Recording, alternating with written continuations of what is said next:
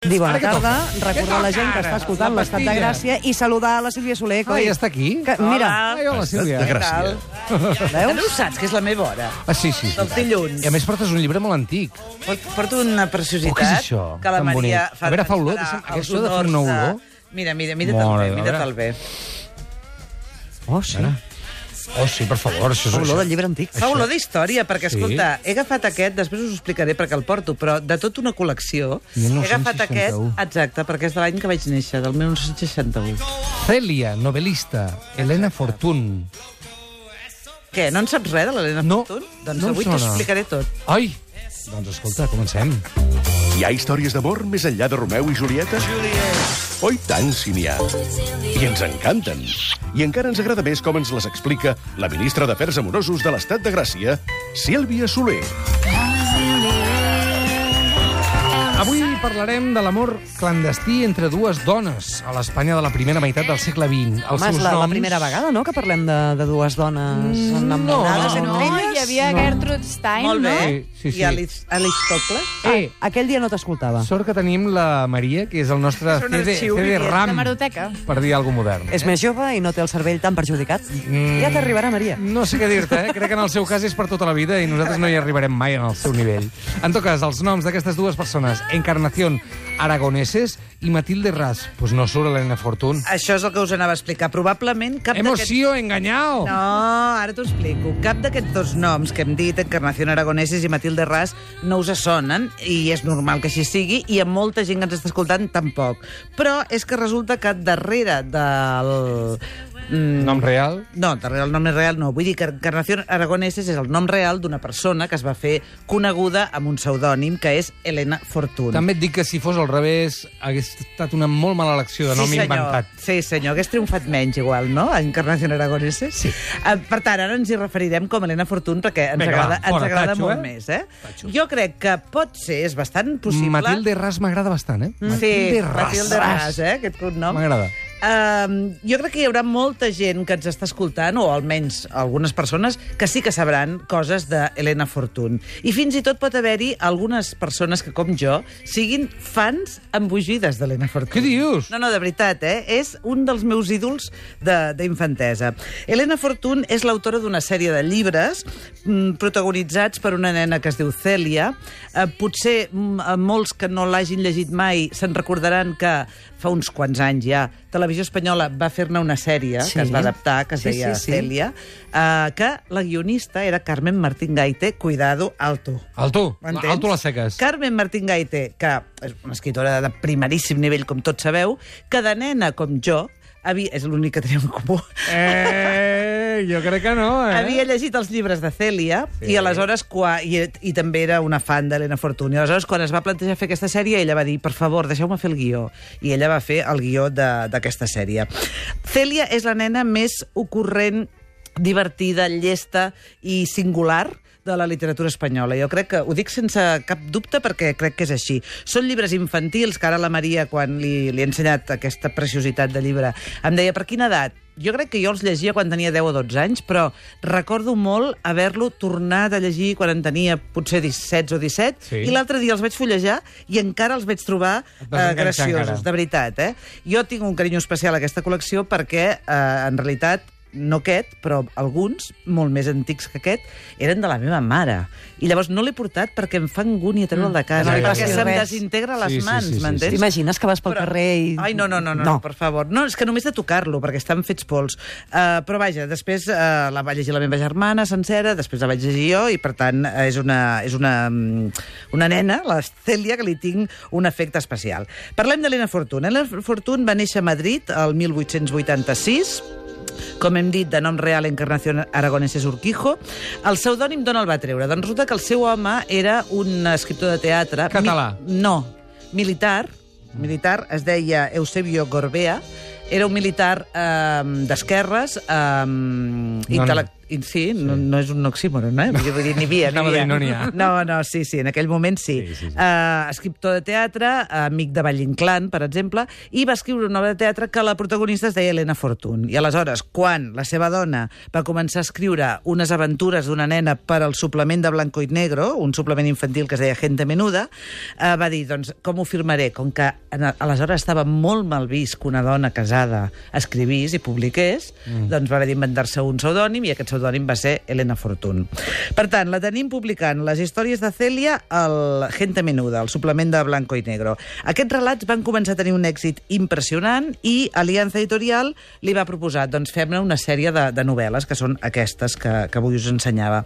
La primera és Celia y su mundo i Celia lo que dice, um, Cuchifritín, el hermano de Celia, perquè la Celia tenia un germà que es deia Eh, sí, Cuchifritín. sí, això ho sabia. a una cosina que es deia Maton Kiki, en fi, tot era un univers molt especial, fins que Celia arriba a ser una, una dona adulta. Per tant, podem seguir tota la vida d'aquesta protagonista.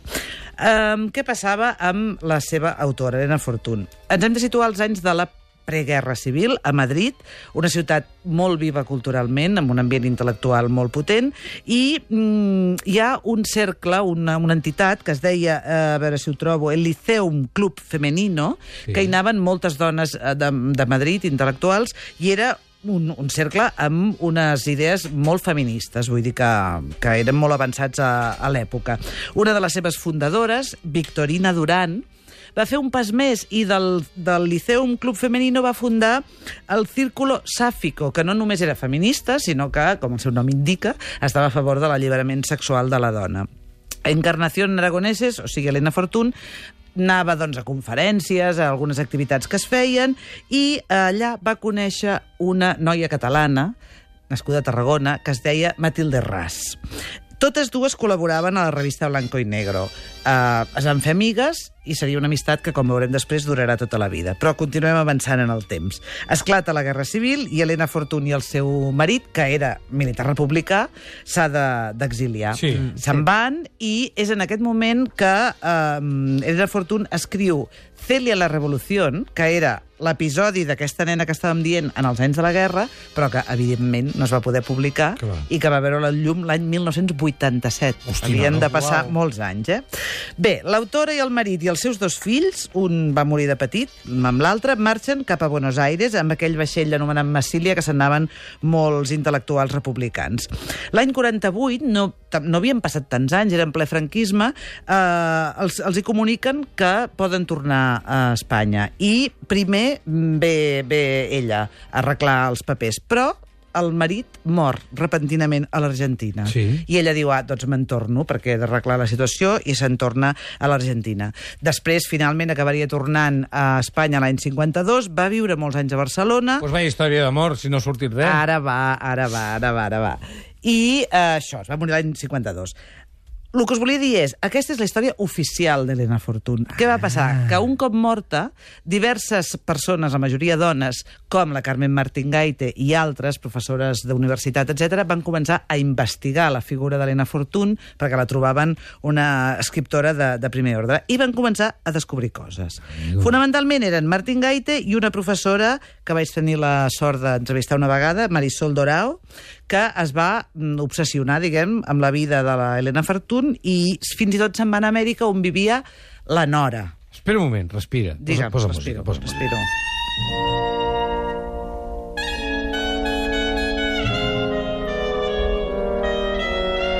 Carmen Martín Gaite i Marisol Dorao, que va conèixer la Nora de Fortuna Amèrica. Sí, la, la nora de, de Fortun, que ja era una senyora gran i que vivia a Amèrica, la van a veure, Marisol Dorao, intentant saber coses, i aquella dona li va dir jo no us explicaré res, Ai. perquè la meva, és la, era la meva sogra, és morta, el, meu, el, el seu home també era mort, i no volia dir res, però us dono una maleta La maleta! enorme, La clàssica maleta amb plena coses. de coses. De, Anda que no s'ha fet això amb novel·les, eh? Exactament, Vaig descobrir exactament. una maleta. Però en aquest cas era veritat. En aquest cas Sí, era sí, veritat. sí, sí. Què hi havia en aquesta maleta? Ai. Doncs hi havia aquest original que hem dit Celia la Revolució, que no s'havia Sí. publicat mai i que es van cuidar uh, de, de publicar.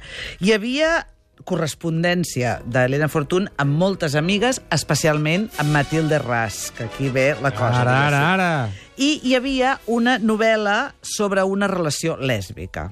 Aleshores, eh, les investigadores comencen a lligar caps, per dir-ho així, no? i comencen a llegir-se les cartes, i comencen a investigar, i descobreixen moltes coses. Per exemple, Va! Encarnación Aragoneses, Helena Fortun, eh, va estar a punt de deixar el seu marit dues vegades. S'hi havia casat amb 18 anys només, eh? Ell era bastant més gran i era cosí segon seu.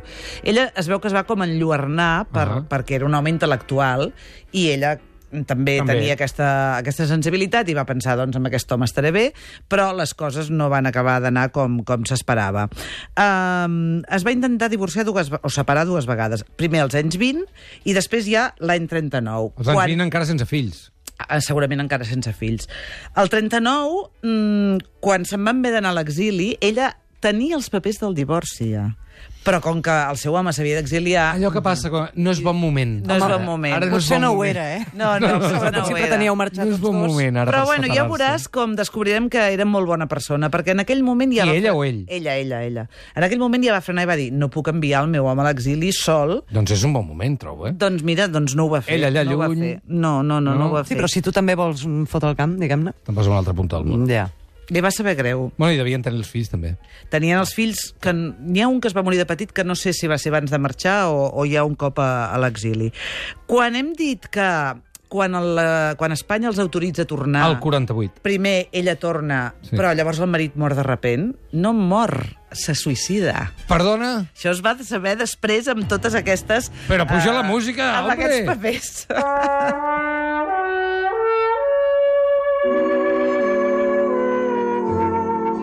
I es va suïcidar Es va suïcidar... perquè va descobrir No. la història d'ella? Es va suïcidar perquè era, tenia un trastorn bipolar. D'acord. O sigui que era una, un home malalt. Això també potser ens fa entendre una mica perquè a ella li costava Mantenir la relació, també. o, Deixar- o deixar-lo. O deixar-lo, o deixar-lo, deixar-lo, clar, jo clar, crec, clar. eh? Dues no sé, coses. Raó, crec, eh? raó. Sí, sí, sí. sí. En fi, que el cas és que quan ella va tornar, imagina't, ella torna aquí per arreglar tot i... I, I ja mentre ella tornar. està aquí, l'altra, l'Argentina, se suïcida. Amb Vull els dos que- nens allà. Un, no sé si tots Un o dos dos. o, Ah. o un. Sí, sí, Noi, sí, sí. Quin tràngol. Total, que ella va tornar a l'Argentina, efectivament, per arreglar papers, etc i no va tornar a Barcelona fins l'any eh, 52. Va estar molts anys vivint a Barcelona i jo he descobert ara que hi ha algunes escriptores, per exemple, Esther Tusquets, que l'anaven a veure, mm. eh, que, que estaven... També, suposo que també havia llegit Cèlia, Clar. diguem, i li tenien un, un carinyo. Carmen Laforet va mantenir correspondència amb ella, que això s'ha publicat, aquesta l'he llegida, eh, perquè ella estava molt delicada de salut i totes aquestes noies que volien escriure, doncs la cuidaven, li feien companyia, i ella, a canvi, eh, els explicava coses d'escriure novel·les, no? Perquè, Ahà. perquè en sabia molt, eh? Bé, va morir l'any 52, dèiem. Mm, Recentment encara s'ha descobert una altra novel·la que havia estat iné- inèdita i que, preparant aquest guió, la vaig descobrir i la vaig eh, demanar immediatament, i ja la tinc a casa i ja l'he començada, que es diu mm, Oculto Sendero, Que de què deu anar? Mira, Oculto va Sendero. una noia, Sí? una noia que als pensar. anys eh, 20 eh, és una noia adolescent que té molts problemes, amb, sobretot amb la seva mare i amb tot el seu entorn, perquè ella se sent una noia rara, ho diu així, rara, que li agraden coses que no els agraden als altres, que no s'acaba d'entendre, i llavors té un episodi eh, que està, per cert, a l'ordre del dia, de violència, perquè un jutge, mm, encara no sé si és amic de la família, perquè encara no hi ha arribat, eh, intenta violar-la, i ella té un gran trauma, òbviament, i a partir d'aleshores, doncs és una noia que encara es torna més introvertida, més rara, entre cometes, i al final decideix que l'única manera de fugir d'aquella família, d'aquell entorn que no li acaba de convèncer, és casar-se. Amb qui es casa? Amb un artista, que és el que va fer la pròpia Helena Fortun, m'entens? Diu, és un artista, serà sensible, serà progressista, m'entendrà... Diu, però les coses no van anar així. Cosa que li va passar a Helena Fortun, que es va casar amb aquest intel·lectual que dèiem, i quan ella va començar a guanyar diners amb Cèlia i a tenir un nom, aquest home s'ho va agafar molt malament, Uh, per tant, no era tan, tan uh, empàtic i sensible Estic com ens pensant una cosa, eh? Aquest Digue'm. argument que dius d'Oculto Sendero m'està Mm. recordant molt, i abans has tret el nom, el Nada de la Foret. És a dir, una noia que se sent molt estranya, amb un ambient intel·lectual, universitari, la seva família li és molt estranya, té una relació d'admiració molt bèstia amb una amiga seva, que gairebé és una relació lèsbica també. És que Carmen Martín Gaite, quan va fer aquest estu un estudi sobre, sobre Elena Fortún, va dir a la literatura espanyola hi ha moltes protagonistes, ell en diu ella diu, és, hi ha un tipus literari a la literatura espanyola que ell en diu la xica rara.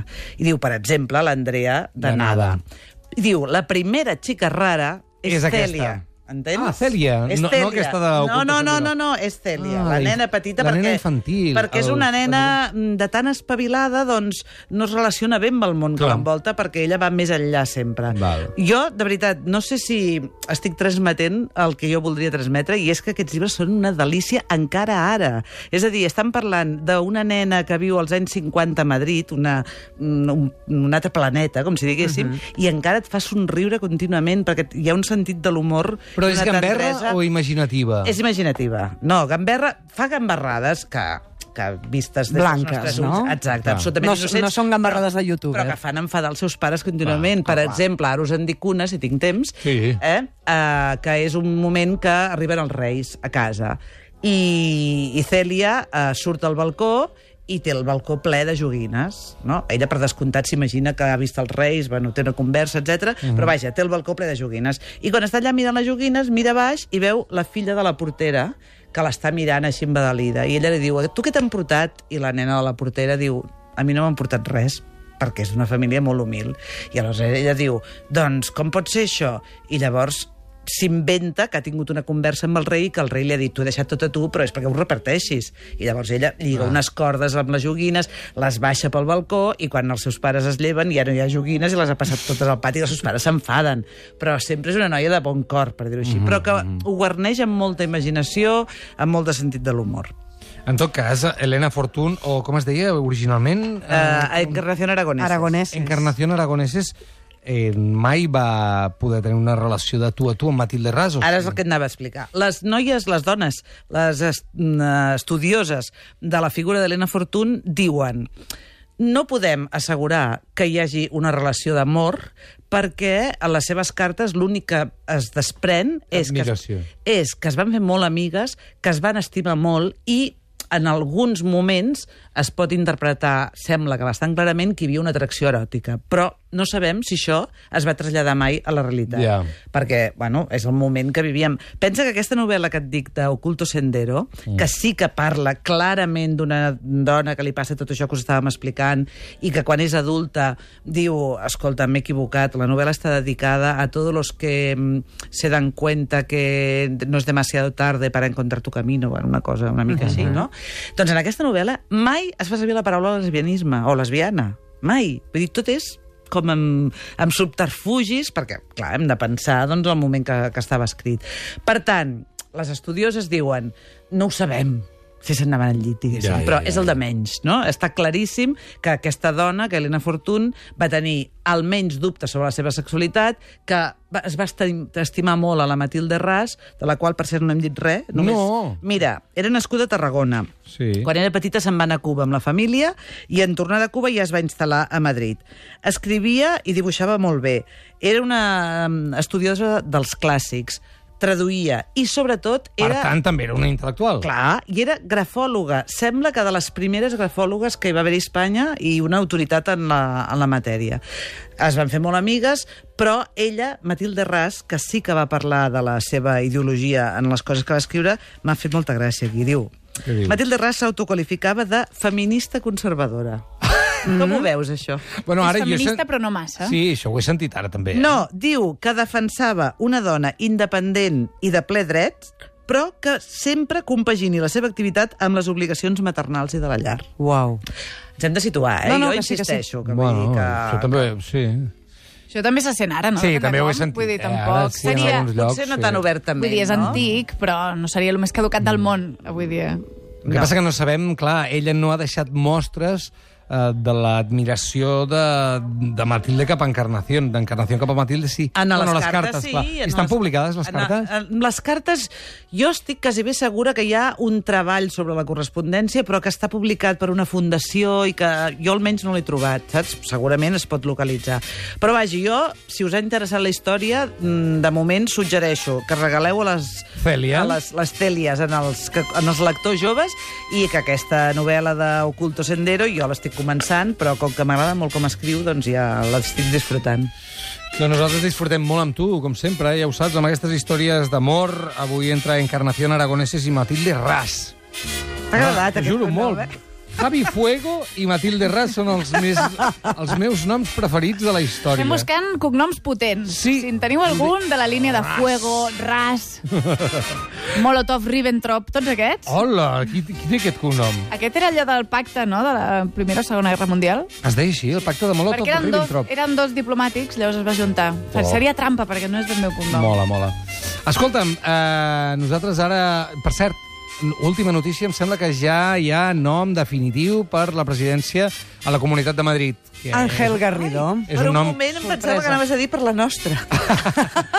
en esta nuestra comunidad.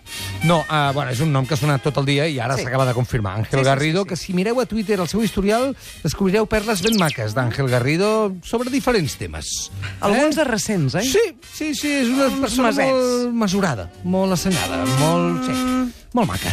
Quina Eh, sorpresa. Sí. Moltes gràcies, Sílvia. A vosaltres. Nosaltres tornem ara mateix amb l'Adam Martín, que t'ho juro que